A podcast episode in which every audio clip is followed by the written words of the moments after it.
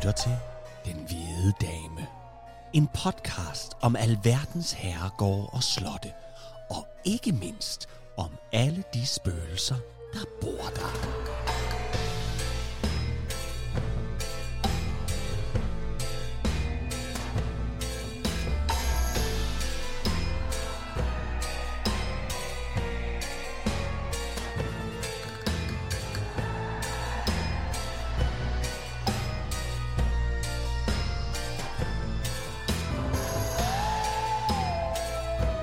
Velkommen til Den Hvide Dame, afsnit 43. Hvis du er til sortklædte munke og ulykkelige spøgelser, så er du kommet til det rette sted. Mit navn er Trine Gadeberg, og overfor mig sidder endnu en gang Kasper Lefebvre. Det gør jeg. Det gør du, ja. Så er vi tilbage. Det er vi.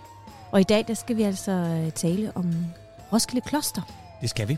Ja. Og øh, det er en af dem, der har været på listen noget tid, så det glæder vi os bare til. Øh, og, øh, og håber også, at det her afsnit øh, varsler nye tider i den hvide dames historie. Mm. Vi vil bestræbe os på at udkomme noget oftere, end vi har gjort Ja, de sidste par år. Ikke? det vil vi. Og i den Ja. forbindelse, så kan man jo gå ind og støtte os inde på tier.dk Ja, med et valgfrit beløb, alt det, man øh, vil. sådan at der er en lille guldrod ind imellem os. Mm. Men vi har nogle, øh, vi har forskellige spændende projekter i, øh, i støbeskeen, øh, og forhåbentlig er noget af det også, at øh, vi vil udkomme øh, noget oftere end bare en til to gange om året. Mm. Ikke? Det, det, det er for lidt. Mm. Det har, og det tror jeg, alle lytterne er enige med os i. Det tror jeg. Men ved du hvad, øh, skal vi ikke bare satse på det? Og så glædelig jul derude, i øvrigt, alle sammen. Nå ja, glædelig jul. Ja, glædelig jul. Ja. ja nu er vi i gang. Nu er vi i gang. Skal vi ikke, uh, Trine, kaste os ud i, uh, i historien om uh, Roskilde Klosters Jo, historie? for jeg har i hvert fald tændt Du sterinlyset, tænder stearinlyset. og, øh, og simpelthen alt, alt er klart. Alt er klar, så du kan og bare... Øh, de hvide damehunde ligger og sover ved Ja. vores fødder. Så der er ikke så meget andet end at bare uh, kaste os ud i det. lad mig høre, hvad du har, hvad du har fundet på, Kasper. Kom her.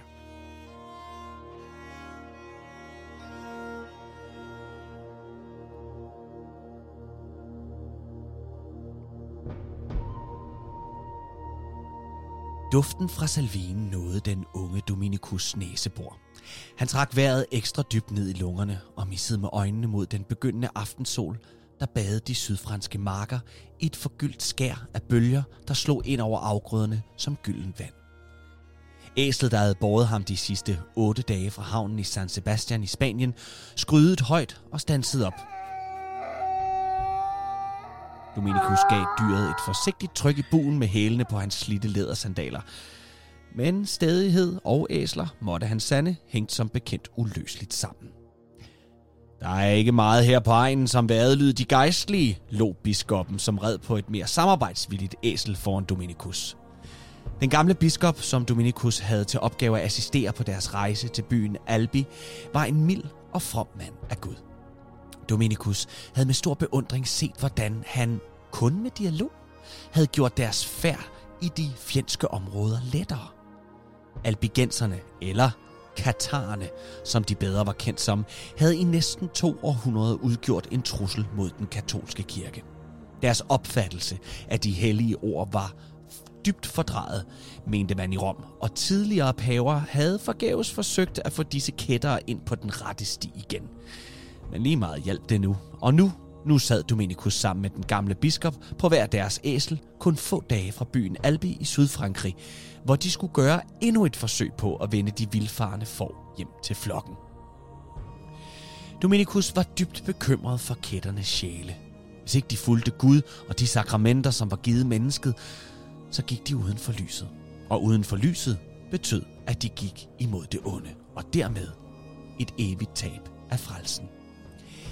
Det her var en vigtig mission, og i forhold til tidligere forsøg fra kirkens mænd, så havde den gamle biskop en særlig, ja nærmest magisk måde at samtale med modstandere på. Han lyttede til dem. Han gav dem ret, når de var enige. Han imødekom og forsøgte at forstå, og derefter nærmest prædikede han sandheden ind i deres fortabte sjæle igen.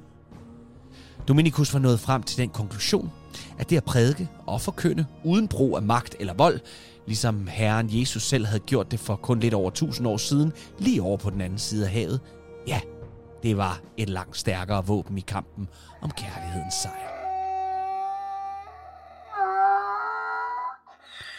Dominikus æsel lagde sig på vejen, og til biskoppens store morskab konstaterede han, at de nok hellere måtte følge æsels eksempel og stå lejr for natten.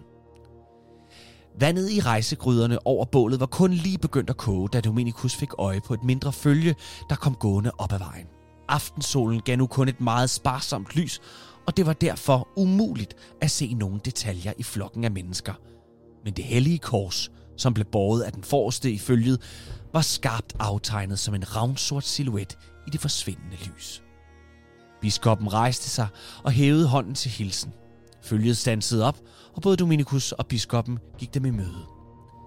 Da de var små 5 meter fra de nyankomne, kunne Dominikus se, at det var soldater, ifølge med tre præster, og imellem dem havde de sig to mænd med hænderne bundet på ryggen. Guds fred og god aften, sagde biskoppen, og hans hilsen blev gengældt fra præsterne. Hvad bringer jer på disse kanter? spurgte biskoppen og så undersøgende rundt på flokken. Den forreste præst, der bar det hellige kors, nikkede med sin skallede plet på toppen af hovedet hen mod de to bagbundne mænd. Katar. Disse kætter forsøgte at sprede deres forgiftede ord i landsbyen lidt længere ned ad vejen. De fik den barmhjertige mulighed for at omvende sig til sandheden, og hvor Herre Jesu Kristi lys, men ja, de nægtede, da vi pågreb dem, sagde præsten med en rolig, men dog spydig stemme. Biskoppen nikkede tankefuldt, imens han så på de to mænd, som med al tydelighed var forsøgt omvendt med andet end bare ord og næste kærlighed. Deres ansigter var forslået, og det størknede blod under næsen på den ene af dem vidnede om en brækket en af slagsen. Ja, så, mumlede biskoppen eftertænksomt. Og hvad så nu? Hvad skal der ske med disse mænd? Præsten med korset forsøgte at anlægge en trist mine, men det krusede smil på hans læber afslørede, at han så frem til det næste. ja, nu, nu skal disse frafaldende kættere og syndere fortære sig helvedes flammer. I morgen skal de dømmes og brændes i Toulouse, som Gud den almægtige ved det. Biskoppen så over på de to mænd. Han tog forsigtigt nærmest kærligt fat om hagen på ham med den brækkede næse, og løftede hans hoved, så han fik øjenkontakt med Kataren. Han kunne se, at det var en fortrinsvis ung mand midt i 20'erne, ligesom Dominikus. Comment t'appelles-tu mon fils? spurgte biskoppen med en varm og rolig stemme. Hvad hedder du, min søn? Den unge mand missede med øjnene mod biskoppen, og med hæs stemme svarede han, Norbert. Biskoppen nikkede. Tu n'es pas obligé de mourir, Norbert. Du behøver ikke at dø, Norbert. Videre vor Herre Jesu Kristus hellere så dig gå med ham i al evighed i paradis end på den falske sti, som du gør nu. Du er elsket, Norbert. Den unge mand smilede svagt af biskoppens ord og sagde, Ui, je suis ami de Dieu. Ja, jeg er elsket af Gud, men ikke af dig og gejstlige som dig. Jeg er ikke elsket af paven i Rom og hans kirke, som frygter mig og mine, fordi vi ikke lader os kue og underkaste os magthavernes tyranni. Sandt. Det hele er sandt, svarede biskoppen. Der gik sæt igennem præsterne, vagterne, og også igennem Dominikus, da de hørte den gamle biskop give kætteren ret, ikke bare i hans samfærdighed om pavens had til katarerne, men også i kirkens tyranni. Mais tout n'est pas vrai. Men ikke alt er sandt, sagde biskoppen. For jeg elsker dig. For du er min broder, min søn, min næste. Selvom vi går på hver vores vej, så har vores Herre Jesus Kristus påbudt mig at elske dig. Lige så højt som jeg elsker Herren, vores pave og disse præster, deres soldater. Alle dem, som ønsker dig brændt. Jeg elsker dig, som jeg elsker den sande tro, for den er kærligheden, og uden kærligheden kan jeg syndige menneske ikke elske. Forstå, at jeg ikke vil kunne elske dig, hvis ikke jeg fulgte den sande kirke og den sakramenter. Den unge mand stirrede på den gamle biskop. Når jeg forlader dette liv i morgen, så vil jeg kende sandheden før dig, biskop, svarede manden. Og når jeg i morgen ved denne tid skal gå i paradis med min himmelske fader og hans søn, så vil jeg lægge et godt ord ind for dig – jeg vil bede min herre Gud om at vise dig barmhjertighed på dommens dag for din venlighed imod mig i denne stund. Den gamle biskop nikkede og smilede til den unge mand. Så lad mig, selvom du ikke tillægger det nogen særlig værdi, alligevel ønske dig fred. Den nome de padre, del figlio El dello Spirito Santo. Amen. Biskoppen nikkede igen, men denne gang til præsterne som tegn til, at han var færdig med samtalen. Fem minutter senere sad Dominikus og den gamle biskop der ved deres bål. Fader, spurgte Dominikus og så ind i flammerne. Hvorfor lod du Kataren slippe afsted med at håne vores pave og kirke? Synes du, jeg lod ham slippe? svarede biskoppen.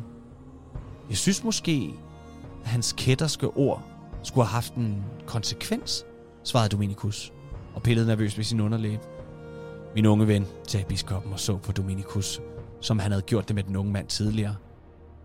Hvor er den unge mand i morgen ved denne tid? Han er et forkullet lig på torvet i Toulouse. Er det ikke konsekvens nok for dig? Jeg lod ham tale, og jeg lyttede til hans sidste ord på denne jord.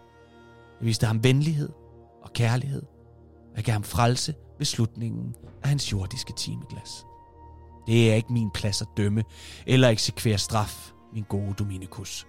Du og jeg, vi er sat i den her verden for at forkynde, omvende og bringe mennesker til den sande kirke, som Jesu befalede sine disciple at gøre. På den klippe, som Peter byggede vores hellige kirke på, der står vi mennesker og gør, hvad vi kan. Men husker du også, hvad vores Herre Jesus lovede os?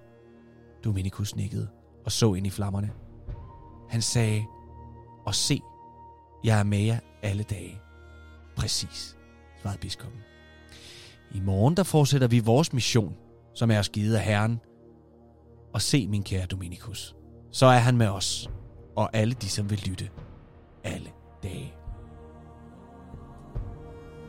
Forsøget på at omvende katarerne eller albigenserne til katolicismen sammen med en biskop, det var startskuddet til grundlæggelsen af Dominikanerordenen, som Dominikus med det borgerlige navn Domingo de Guzman fik pavelig godkendelse til i 1216.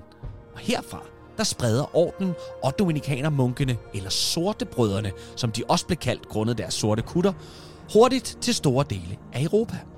Deres lærer gik i modsætning til andre munkeordner ikke ud på lemligt arbejde, men alene meditation, bøn og forkyndelse. Dominikus var dybt inspireret af sin gamle biskop, som han rejste med, og ikke mindst Sankt Augustin, der havde grundlagt Augustinerordnen, og som levede i fattigdom, kyskhed og uden personlige ejendele. Han troede på studier og meditation, som så samtidig, ifølge Dominikus, var en forudsætning for at kunne missionere og bekæmpe kætteri. Fra Dominikanerordens grundlæggelse i 1216 blev det første kloster til dets munke allerede bygget i Sverige i Lund i 1223, og endelig for vores historie i dagens afsnit i Roskilde i 1232. Og i 1263, der fik Roskilde også Dominikanerordens kloster til dets nonner i Sankt Agnete klostret, som blev grundlagt af Erik Plovpennings døtre Agnete og Jutta.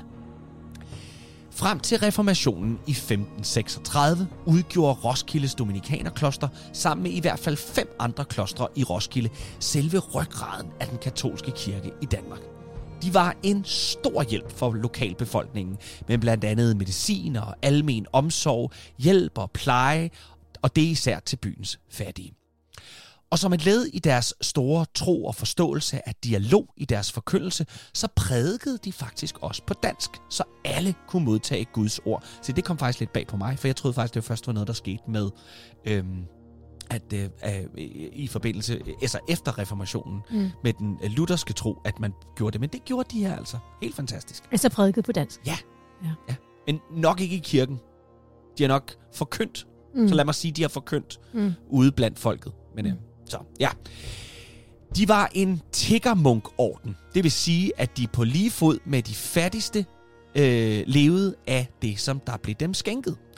Men som med alt andet jord og ejendom, så blev også Roskilde Klosters efter reformationen underlagt kongemagten. I 1557 der bliver det forladte kloster delvist drevet ned på befaling af Christian 3. Og der står så de sørgelige rester frem til 1565, hvor herremanden Mogens Godske køber grunden og bygger sin egen herregård. I hans byggeri, der bruger han mange af stenene fra det gamle kloster, og således er selve hovedbygningen den dag i dag bygget af det originale Sorte Brødre Klosters sten. Den har vi jo hørt mange gange før, mm. det her med, de bruger de der mm, nedrevne gen... ting og, og genbygger med, ikke? Ja, det er jo bæredygtighed. Det må man sige. Ja. Nu stod Sortebrødre gård så færdig og blev i Goske-slægtens eje frem til 1630, hvor admiral i flåden Peder Galt blev ejer, efter han giftede sig med enken til en Frederik Goske, som var søn af den føromtalte Mogens Goske. Peder Galt var en bemærkelsesværdig person, der selvom han var en dygtig admiral, endte sin dage på tragisk vis. Galt var en særdeles veluddannet mand med en forkærlighed for retshistorie og lyrik. Han havde studeret ved nogle af Europas fineste universiteter i Tyskland, i Bonn og Basel og i Frankrig i Orléans. I 1604 indtrådte han som sekretær i kanseliet, og i 1611 deltog han i Kalmarkrigen. I de følgende år beskæftigede han sig mest med jura, både her i Danmark og i Lund i Sverige. I slutningen af 1624 indtrådte han i flåden, hvor han senere, i 1630, blev udnævnt til underadmiral på skibet Spes, hvor han sejlede med kong Christian den 4. på en ekspedition til Hamburg. Senere endnu, der bliver han så chef for en såkaldt eskadre i Østersøen. Eskadre er en samling militærskibe, som opererer under en chef. Men herefter, der forsvinder han lidt fra søen, og man formoder, at han har brugt meget af sin tid på at skrive, som var en stor passion for ham. Heriblandt digte, både på dansk og latin. Men det eneste bevarede skriv, vi egentlig har fra Peder Galt, det er fra 1632, nemlig De Jure Danorum Liber, som var et forsøg på en egentlig dansk retshistorie, han har forsøgt at skrive der. Nå, men vi skal jo altså høre historien om hans tragiske skæbne. Det er jo derfor, vi er. Peder Galt ender nemlig som befalingsmand i floden igen under det berømte søslag ved Koldberger Heide, hvor Christian 4. som bekendt mistede sit ene øje. Men det var ikke her, at skæbnen indhentede ham. Nej, det skete lige noget tid senere, øh, eftersom... Øh, men det var ikke her, at skæbnen indhentede ham. Nej, det skete noget tid efter som general admiral for en eskader, hvor han skulle sørge for at holde de svenske skibe indespærret i Kilderfjord. Den 13. i 7. 1644 får han en ordre af kongen, der lyder på, at han kun må angribe svenskerne, hvis disse forsøger på et angreb. Hvis de blot forsøger at sejle udenom, så skulle Galt eftersætte dem. Den 28. i 7. der rører den svenske flåde på sig, men ligger sig blot lidt længere ude i fjorden øst for Christians Prins. Den 29. i 7. kommer så ordren, som skal komme til at koste Peder Galt dyrt. Og nu må lytterne og du, Trine, mm. for det her, det er ordren fra Christian 4. Nu skal I lige holde tungen lige i munden, og så skal du fortælle mig, om du forstår den her ordre. Okay. Altså, den tidligere ordre lød på, angrib, hvis de angriber, hvis de sejler, følg efter dem. Mm. Okay? Ja. Ordren lyder, han skal, når vinden var gunstig, med sine skadre lette, gå fjenden så nær som muligt og give ham de glatte lag, men i øvrigt rette sig efter den tidligere ordre, og ingen af skibene måtte forfølge fjenden ind i snævringen ved Christians prins. Altså, Husk din tidligere ordre, men du skal give ham det glatte lag. giv ham, altså glattelag, det er simpelthen at give ham nogle Ja. kæmpe bank. Ja, så skal du skyde. Mm. Men, men skulle, når vinden var gunstig med sine skader, så skulle han gå fjenden så nær som muligt og give ham det glatte lag. Så altså ikke noget med, angrib ham, hvis han angriber dig. Vel? Nej. Men det lød den første ordre på. Ja. Og her bliver der understreget en gang til, at han skal følge den første ordre. Men i øvrigt rette sig efter den tidligere ordre. Og ingen af skibene måtte forfølge fjenden ind i snævringen ved Christians Prins. Det er en modstridende ordre. Er vi enige om det? Ja, ja. Godt. Da svenskerne den 30. i 7. agerer på en sådan måde, at Galt kunne angribe ifølge de første ordre, så gør han det ikke. Fordi, som han selv senere forklarer, han simpelthen ikke forstod kongens ordre fra den 29. i 7. Nej, og det gjorde vi så heller Det ikke. gjorde vi så heller ikke. Her mange hundrede år senere. Den 31. i 7. der bliver Peder Galt bedt om at træde tilbage fra sin tjeneste, og i de følgende dage udvikler situationen sig til søs kun til fjendens fordel, fordi skibene ikke bliver beskudt af Galt. Den 2. i 8. bliver Peder Galt kaldt til København af kongen personligt, som skriver, at han ikke længere har tillid til Galt. Den 28. i 8. bliver han tiltalt og dømt til døden for ikke, at have fulgt, for ikke at have fulgt kongens ordre. Men alle medlemmerne af rigsrådet, de henstiller til, at kongen viser noget, og ikke lod galt øh, henrette. Det bliver et klart nej tak fra Christian 4. om at udvise noget, og den 31. 8. der bliver Peter Galt henrettet foran København Slot. Det, det er groft. Og det, man mener rent historisk, der er sket her, det er simpelthen, at krigslykken vender for Christian 4. Ikke, ikke kun på grund af Peter Galt, men på flere fronter. Mm. Og det gør ham rasende. Altså, han er generelt bare i dårlig humør over, hvor dårligt det går. Og derfor bliver Peter Galt... Altså, det er ham, der møder hans vrede. Mm. Men er en, er en generaladmiral i flåden, øh, som ellers burde kunne følge ordre, der må jeg give Peter Galt, at jeg forstod ikke klap af det, mm. Christian 4 skriver til ham. Det svarer jo til, at jeg får, at jeg, at jeg får en brunkage dej, jeg skal følge, og så får jeg så bagefter en anden dej, hvor der står, øh, du skal, du skal, hvis vinden er god, så skal du lave den opskrift, jeg sender til dig nu, men ellers skal du følge den gamle opskrift. Ja, ja. og i øvrigt lave den. Og, du lave, bare, men, men, kun, lav, men lav de nye. Men, lav, hold dig fra de gamle. Ja, men lav, lav de, nye, nye, men i øvrigt lav de gamle. Ja. ja. det er jo helt sindssygt. Det er skørt. Ja. Nå, hvad der sker hjemme på øh, Roskilde Kloster eller Sorte Brødre Gård, det er lidt usikkert. Og faktisk så skal vi helt frem til 1660, hvor de skriftlige kilder igen får en mere solid grund under fødderne. Nu hedder ejeren øh, Peder Retz, og det, sam- og det gør han sammen med svogeren Jakob Arnfeldt. Men 10 år senere, der er Peder Retz ene ejer af gården, og under hans virke udvidede øh, gård og under hans virke udvides gårdens jord betragteligt, og hovedbygningen får også et såkaldt makeover. Efter Rets død arves gården af hans datter Mette Rets og hendes mand Christian Lindenov, der dog sælger gården i 1679, hvor den overtages af en Holger Tot.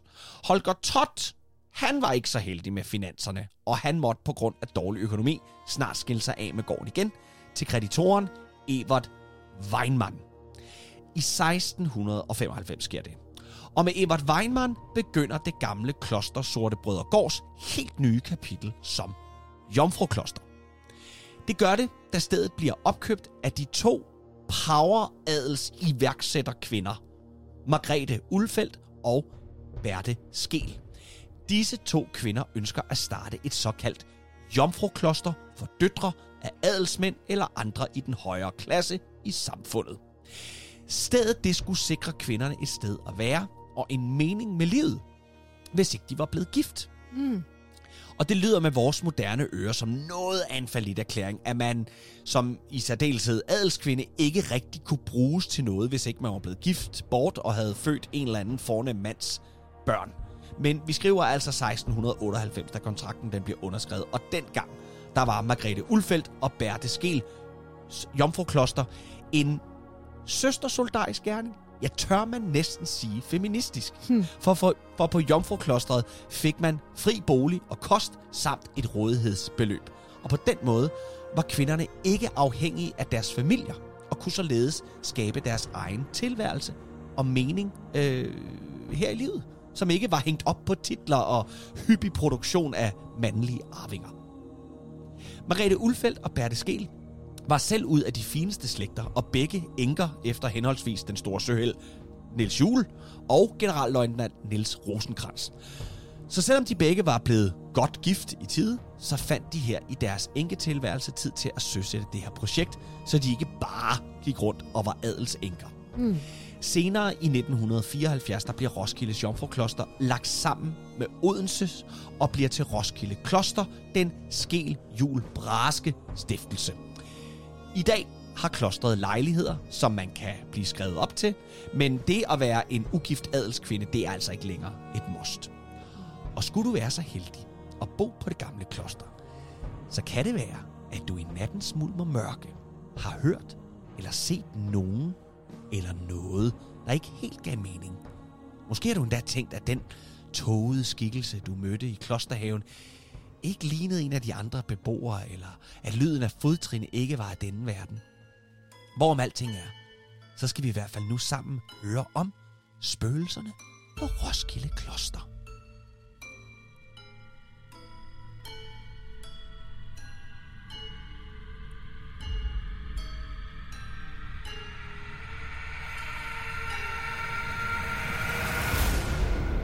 Bibliotekaren tjekkede en ekstra gang på computeren. Nej, den var god nok. Bogen, som hun skulle finde frem til låneren, stod ikke i selve biblioteket, men på lageret, i kælderen, i magasinet.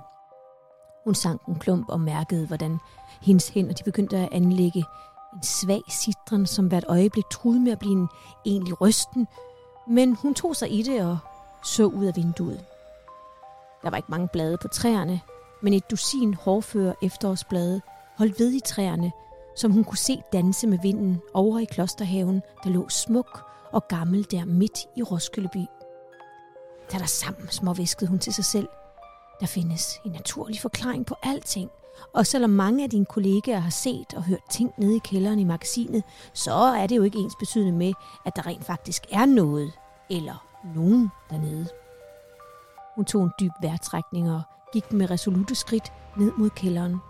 Hun skulle bare ned ad trinene, tænde lyset, hen til hylden, finde bogen, tage bogen, slukke lyset og op i biblioteket igen. Hvor svært kunne det være?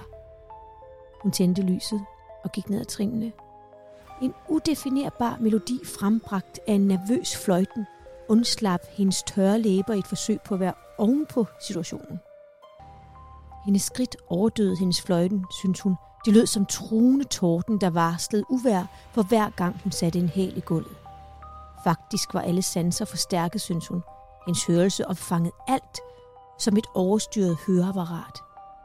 Hendes arme syntes at mærke, at hvert hår begyndte at rejse sig, og hendes øjne opfangede hver en lille bevægelse, som et højteknologisk overvågningskamera, der var sat til at vogte over kronjuveler. Noget langt og sort, stof måske, fangede hendes opmærksomhed ud af øjenkrogen i et splitsekund. Hun stoppede op og drejede forsigtigt det nyopfundede overvågningskamera i retning af det, der havde vagt hendes interesse. Intet. Bare en gang med hylder, fyldt med kasser og bøger. Kasser og bøger, det var nemlig lige præcis det, der skulle være her i magasinet, og intet andet. Så der var ingen grund til at synes, at man havde set noget som helst andet end kasser og bøger. Hun genoptog sit formål med besøget i kælderen og gik over mod hylden, hvor bogen burde stå.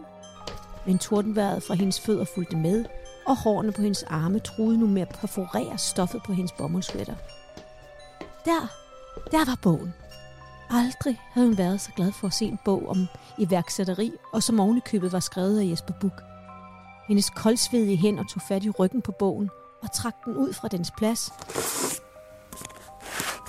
Nu skulle hun bare op med bogen, og måske endda lade låneren beholde den til evig tid, så hun i hvert fald kunne eliminere en fremtidig tur ned i magasinet efter den.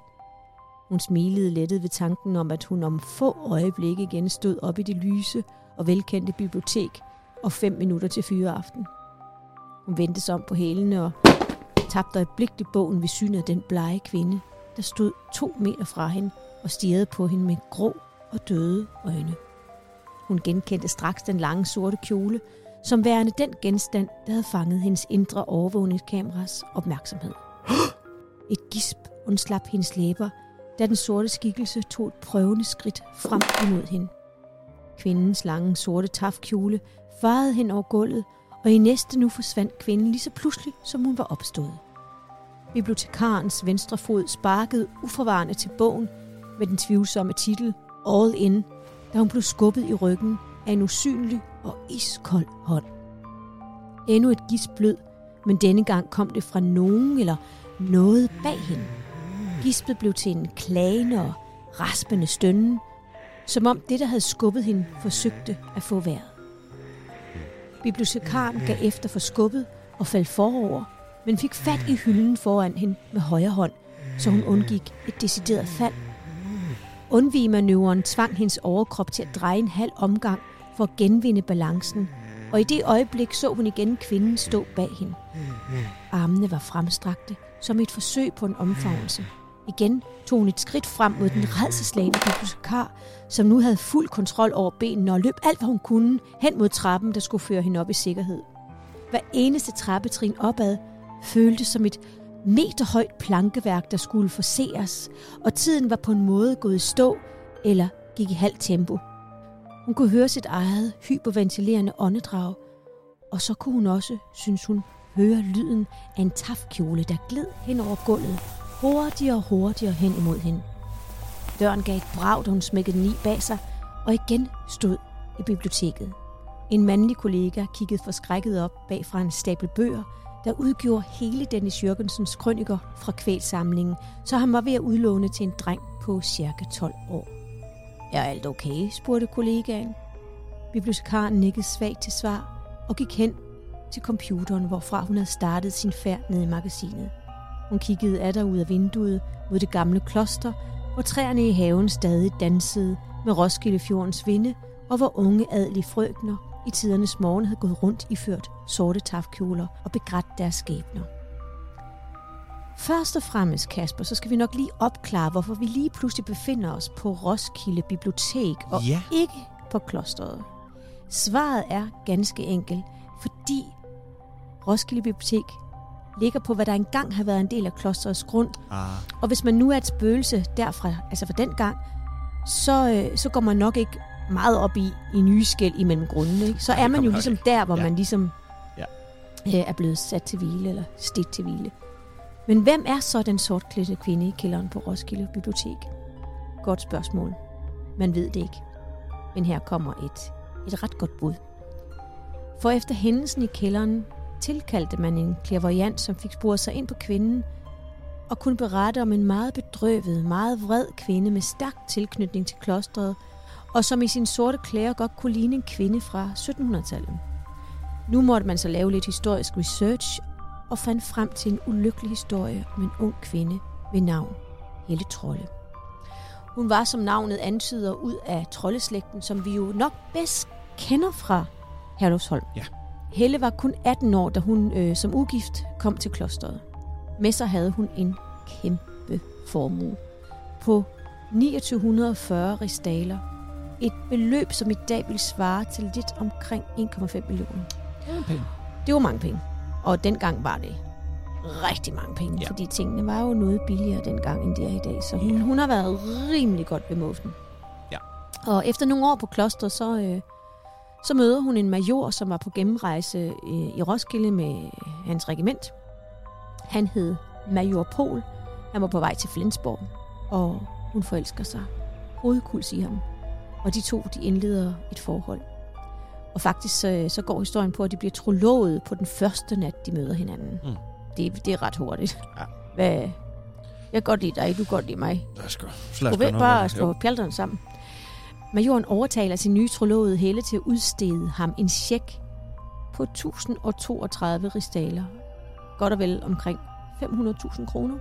Det er meget godt lavet på første date. Det må man sige. Da majoren skal videre med regimentet, begynder Helle at skrive breve til sin elskede Pol under en stor blodbøg, som stod ude i klosterhaven. Faktisk lige der, hvor biblioteket ligger i dag. Ah, Hun skrev om den lyse fremtid, som de skulle gå i møde, og samtidig blev major Pol øh, ved med at, at, at bede om flere og flere penge.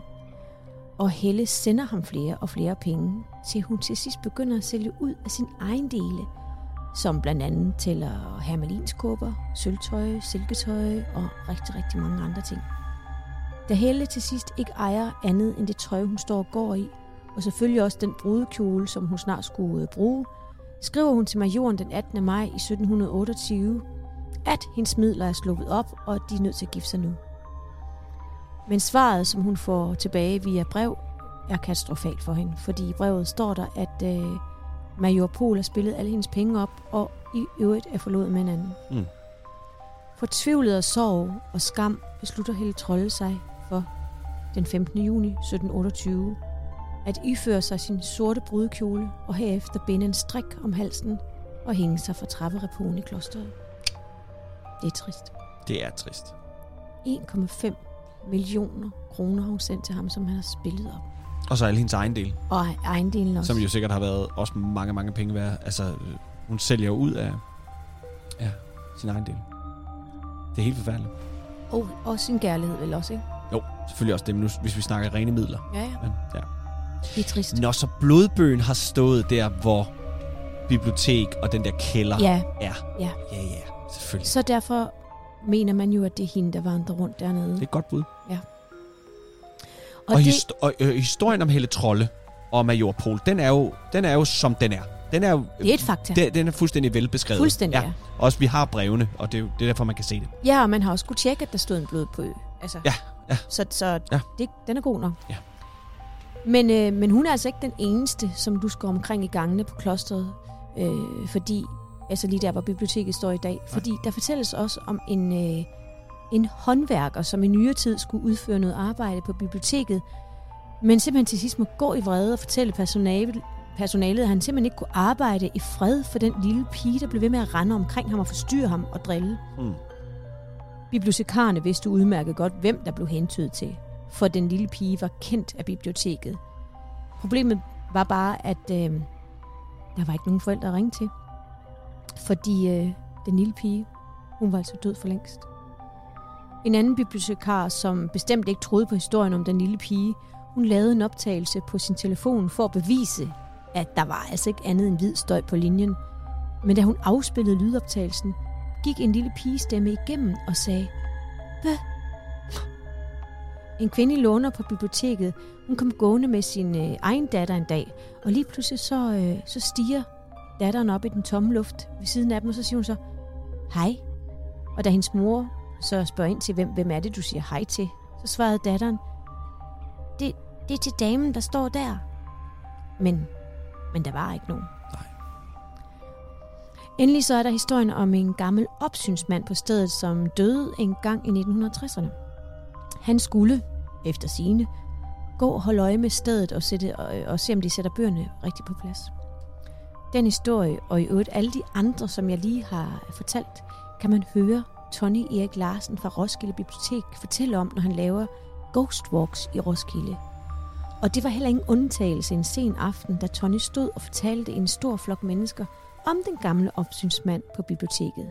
Bedst, som Tony fortæller, at opsynsmanden går og sætter bøger på plads, så ser alle, inklusiv Tony, en stor bog rykke sig ud af en af reolerne og lande med et højt klonk på gulvet. Bedre reklame for ens Ghost Walk kan man næppe få. Tony fortæller selv, at han tænkte, at det var den gamle opsynsmand, der bare lige vil give sit besøg med på historierne og fortælle, at den, den skam var god nok. Tonys Ghost Walks er selv sagt meget populær, og skulle man være så heldig at få en plads på en af turene, så kunne man jo passende holde øje med sorte kjoler, små piger og bøger, der bevæger sig. Det var i hvert fald, hvad jeg havde fundet frem øh, af spøgerier fra Roskilde Kloster, som jo altså lå der, hvor biblioteket ligger i dag. Yes. Synes du ikke, øh, det er, det, det er lidt vildt, Åh, fordi det er det, det er tit, når vi, når vi hører spøgelseshistorier, så er det noget, der er sket for mange, mange, mange år siden. Øh, du hører øh, hesteklove ind på gårdspladsen, altså noget. Her er det sådan set noget, der foregår stadigvæk. Mm. Altså, mm.